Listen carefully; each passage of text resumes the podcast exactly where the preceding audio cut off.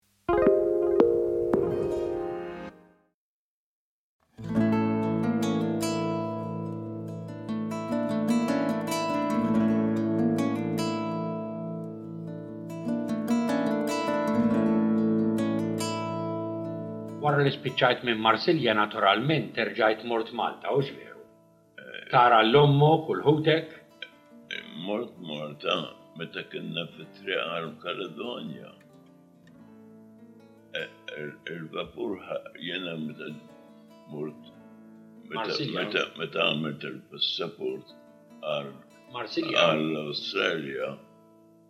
Mu qed bat ktibt it-trabat tal ommi qed tira li meta l-vapur se jgħadem minn Malta u qed tira li stieq li narahum hemm insibhom hemm u dik l-affory rnexxiet. Allura inti il-ħsieb il-passaġġ biex tiġi l-Awstralja bbukkjajtu minn Marsilja allura? Iva. Minn Marsilja. Allura Kif inti involvejt ruħek ma' dak il-grupp tal-Maltin li aħna llum il-ġurnata ngħidulhom li int wieħed minnhom, il-Maltin ta' New Caledonia? Mela fuq il-vapur li imbarkajt bih biex tiġi l-Awstralja kien hemm iktar Maltin allura? Dur minn Marsilja? Minn Marsilja.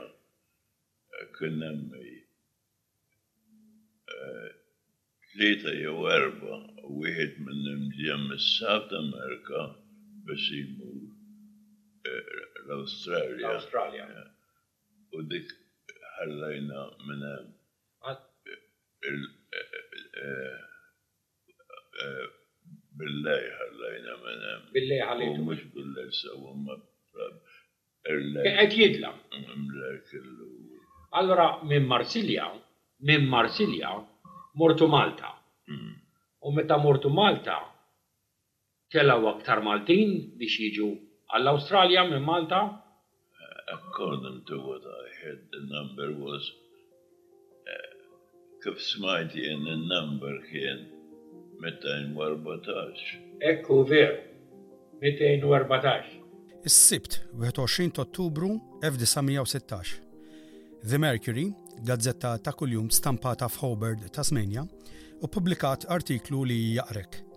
Immigranti Maltin li jinstabu fuq il-ganġ se jintbagħtu lura.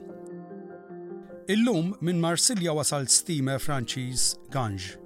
Il-bastiment ma tħalliex jidħol fix-xmara Swan għal raġunu li fuqu kien hemm 214 immigrant Malti. Skont l-istqarrija tal-Prim Ministru, ippubblikata llum, dawn l-irġiel għandhom jitbagħtu lura. Il-Ganġ kien jeħtieġ 500 tunnellata ta' faħam. U b'hekk tibda l-istorja ta' ġrajjiet li saru lill-emigranti Maltin, il-biċċa kbira minnhom minn Għawdex, li ġew mċaħħda milli jitlu fl-Awstralja fl-1916. Dawn ir-rakkonti jenfasizzaw kif l-Awstralja ta' dak iż-żmien li kienet għadha kif ġiet iffurmata bħala nazzjon ħmistax-il sena biss qabel, rat lilha nnifisha bħala utopja u ġenna tal-art għall-ħaddiema. Pajjiż progressiv li jmexxa 'l quddiem drittijiet u opportunitajiet indaqs, għall-inqas għaċ-ċittadini mixtieqa. Iżda f'dis-sitwazzjoni, l-Awstralja nqabdet mhux preparata. Bi pressjoni li ntafgħet fuq il-Gvern Federali, din l-administrazzjoni aġixxiet b'mod irrazzjonali u b'hekk għamlet vittmi minn immigranti li kellhom kull dritt li jidħlu fil-pajjiż. Il-Prim Ministru dak iż-żmien, Billy Hughes, uża dawn is-suddiet Ingliżi biex jiġġieled manuvra politika u nqeda b'liġi ta' diskriminazzjoni li kienet inkitbet f'qafas legali Awstraljan xi snin qabel. Dottor Barry York u Mark Caruana se jgħidulna għaliex dawn il-214 immigrant Malti u Għawdxi saru magħrufa bħala t-tfal ta' Billy Hughes.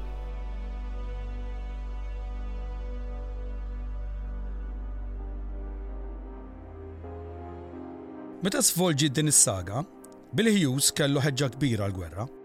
Infatti, dawk li kienu jaqblu miegħu tawh il-laqam ta' The Little Digger, b'referenza għal dawk li kienu qed jiġġieldu fl-Ewropa fl-Ewwel Gwerra Dinjija. Bill Hughes kien inkwetat meta ħass li l-entużjażmu għall-gwerra miż-żgħażagħ Awstraljani kien naqas ġmielu. Dan ġara wara li l-gazzetti Awstraljani ppubblikaw aħbarijiet allarmanti ta' għexieren ta' eluf ta' mwiet. Is-soluzzjoni tiegħu kienet li jipprova jġegħel lill-irġiel jingħaqdu fil-militar, iżda għal dan kellu bżonn il-kunsens tal-votant Awstraljan. Dottor Barry York, riċerkatur storiku, se jispjegalna aktar. Well, the Labour government of Andrew Fisher had promised the British government that in World War One, Australia would support the British side to the last man and the last shilling. and Billy Hughes inherited that policy when he became Labor Prime Minister. They found that relying on volunteers wasn't enough. And so Hughes thought, well, if we're going to keep this pledge to support Britain to the last man, we have to uh, force people to go to war. We have to have conscription. Allura, kif huwa magħruf fl-istorja l-Prim Ministru Billy Hughes? Uh, Billy Hughes uh, himself was seen negatively. He did some good things, of course, like it uh, was under his prime ministership that Australia joined the League of Nations, the forerunner to the United Nations. But really, I think he is seen in a negative way because of his subservience to Britain. Labour Party people call him the rat because of his uh, what they saw as a betrayal by introducing conscription when many in his party were opposed to it. Uh, and World War One itself was seen by many as a uh, imperialist war. The Archbishop in, in Australia at the time, Mannix, described that war as a filthy trade war. So there were many people here who thought we shouldn't even be involved in that war. It was a war between two rival imperialist uh, blocs. It was strange. He was subservient in some ways, in other ways, he was very nationalistic. And in early 1917, he set up the Nationalist Party and became Prime Minister for them. He was expelled from the New South Wales Labor Party in uh, September 1916. He was a working class man in origin, born in London, but his parents were Welsh. He was culturally Welsh. He grew up speaking Welsh. then he migrated here. He had a hard life. He set up the Waterside Workers Federation in Sydney.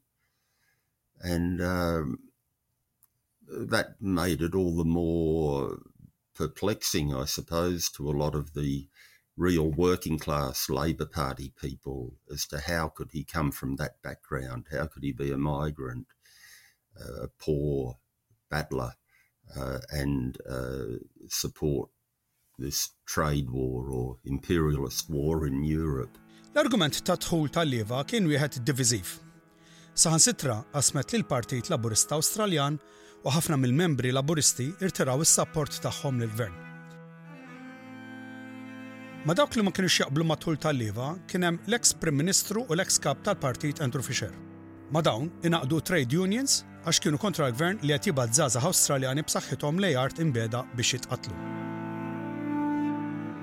Biex tkompli tħawwad il-Borma, l-istess unions opponew li aktar emigranti jitlu l-Awstralja biex jieħdu x-xogħol li jistgħu jagħmlu dawk iż-żgħażagħ Awstraljani. L-aktar li spikkaw kienu l-emigranti ta' ġilda skura, the Black Menace, kif kienu magħrufa. U b'dawn l-argumenti kollha le saħħan il-qija, il-miġja tal-214 il Malti u Għawdxi fuq il-Ganj provdew il-ħatab neċessarju fuq in-nar tal-argument kontra l-lieva. Xi ġimgħat qabel, 96 Malti kienu żbarkaw. U kif l-aħbar ħarġet li kien ġej grupp akbar fuq steamer Franċiż Ganj, tefa' lill-Prim Ministru Hughes ġo paniku.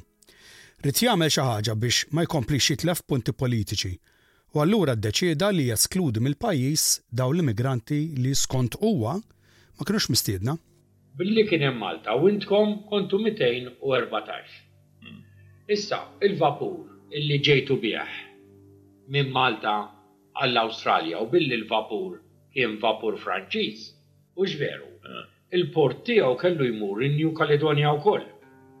Il-vapur kien għal in-New Caledonia. Kien għal in-New Caledonia. Imma ġabar il-passinġieri biex jeħodhom hemm.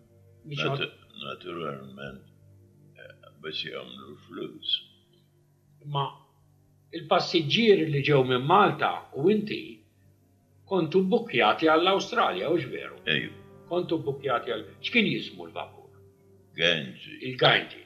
Għandek idea kemm domtu ġejjin? Kemm domtu?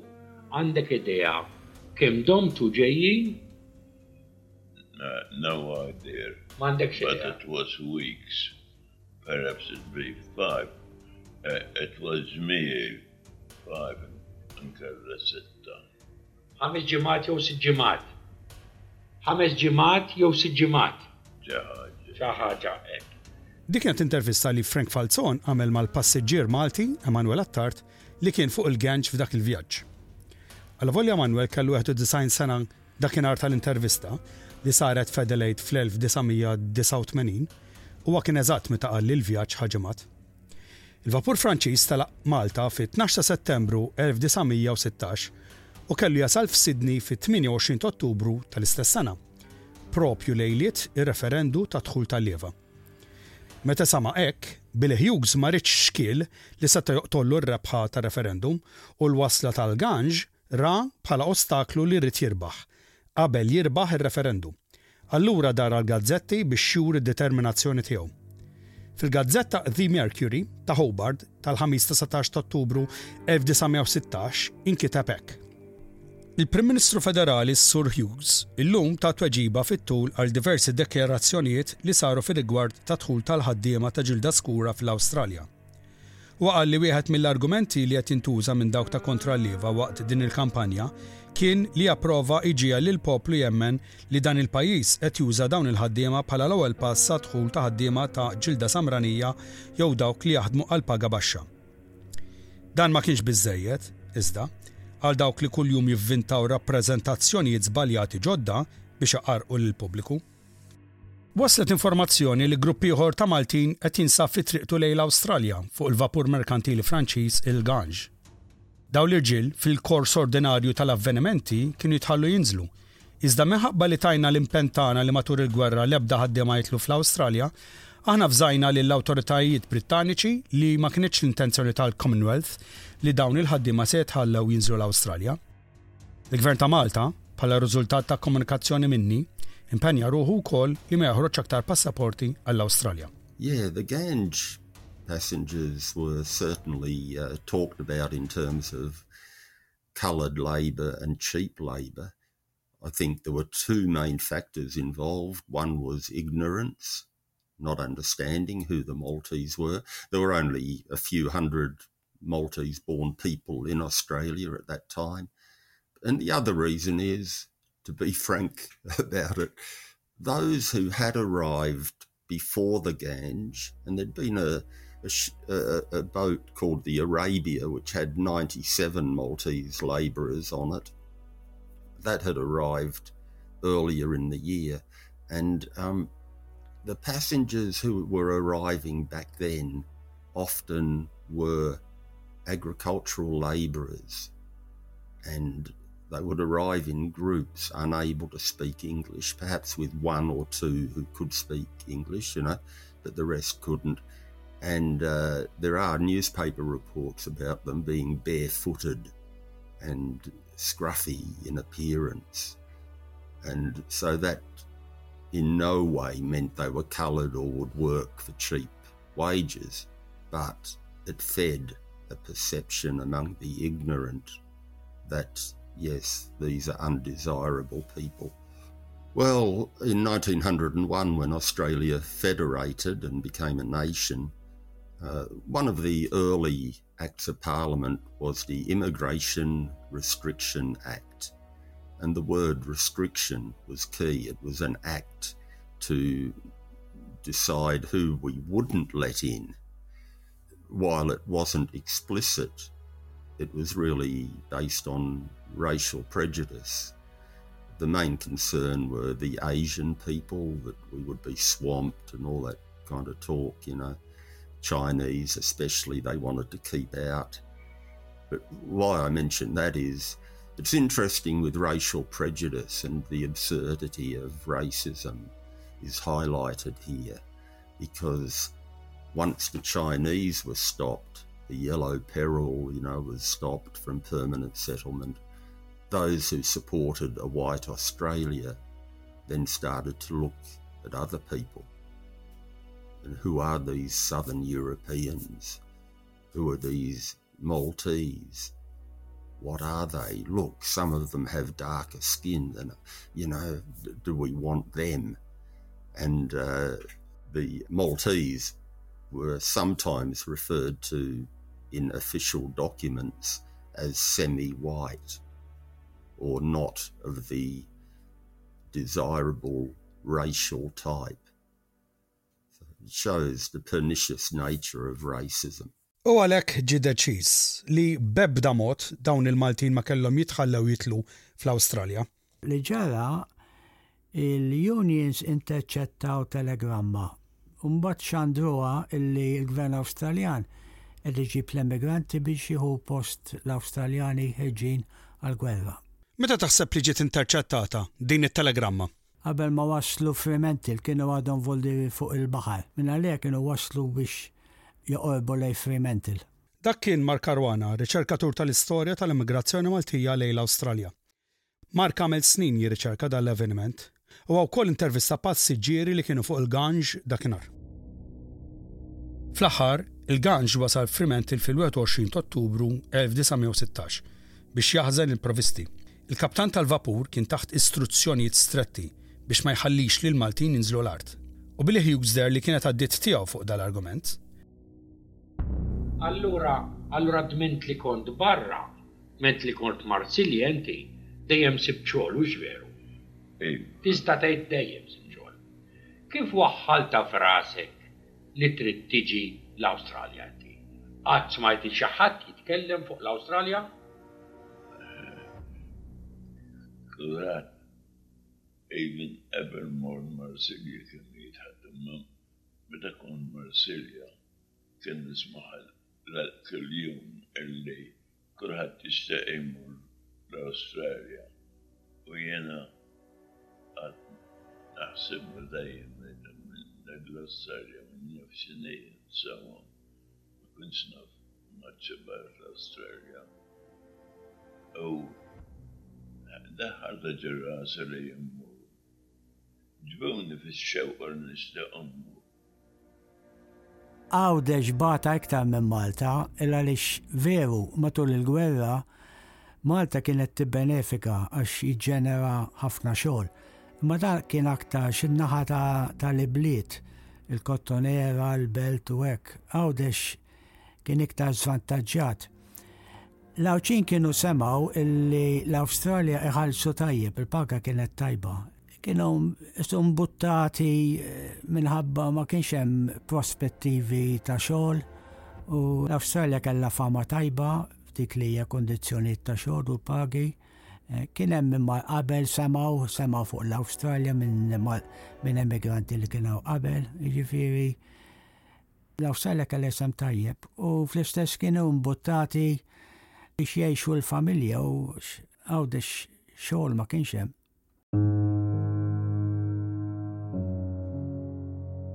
Dak iż-żmien, l-Awstralja kienet tħajjar żgħażagħ irġiel, idealment tas-sengħa, biex jaħdmu f'industrija emerġenti. Dawn il-ħaddiema kienu jkunu mħallsa tajba, u l-aktar li setgħu jiġu bla restrizzjonijiet kienu dawk tal-ġilda bajda, speċjalment mill-Gran Brittanja. L-amministrazzjoni governattiva rieda tiżżomm dil-politika ta' diskriminazzjoni u allura sabet mezz biex teskludi lil dawk li ma kinux mistiedna. Ħaddiema li ma kinux meqjusa bojot, u anka xi kultant ħaddiema nisa, kienu meqjusa bħala teddida għal dan l-ideal. Allura ħaddiema li ma jaqgħux dik il-kategorija kienu mħarsa bħala inferjuri U b'hekk kienu maħsuba li kienu jaħdmu għal inqas paga, bi spariġġ għal opportunitajiet għal ħaddiema bojod u aċċettati. Il-Maltin mhux dejjem kienu kkonsidrati bħala ħaddiema ideali, iżda peress li kienu parti mill-Imperu Ingliż, dawk kienu jitħallu jidħlu mingħajr problemi. Imma l-vjaġġ tal-Ganġ kellu jkun dak li jibdel l-armonija ta' dak iż-żmien.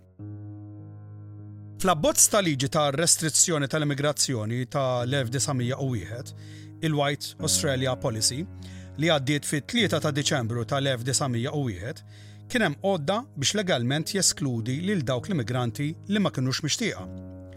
U din kienet fil-forma ta' dictation test, fejn l-immigranti setgħu jiġu eżaminati fl-lingwa Ewropea.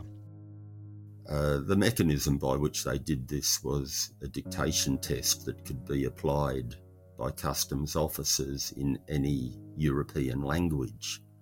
And it was designed, you know, you would test a Chinese arrival in Italian, or it was uh, very dishonest.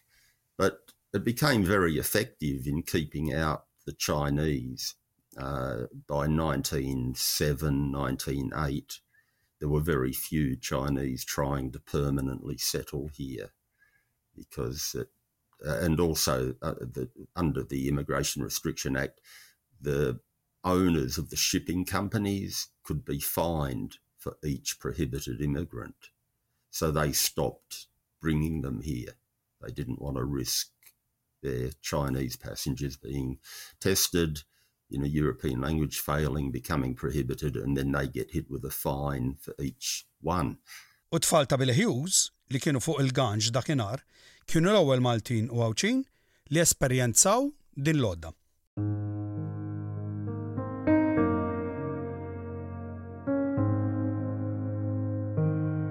Allura ħadd ma kien iddestinat għal Fremantle? Le, le, ma kienux iddestinati għal Fremantle. Li intervistajt like Tony Apap kien għal Sydney, il li xkellu missieru diġa għaw.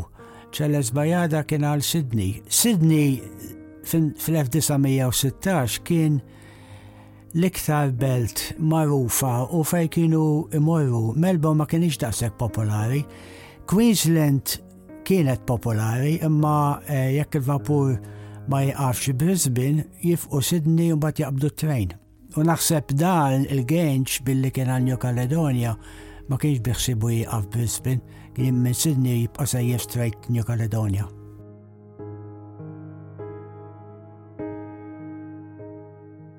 And uh, that's what did happen for everyone. Melbourne became worse, better, worse reception there. And uh, Sydney was just as bad, and Sydney, where I got tr- my trouble myself. Mm. U bekk, il-214 kienet baqalhom tal-inqas żewġ waqfiet oħra. waħda f'Melbourne u l-oħra f'Sydney.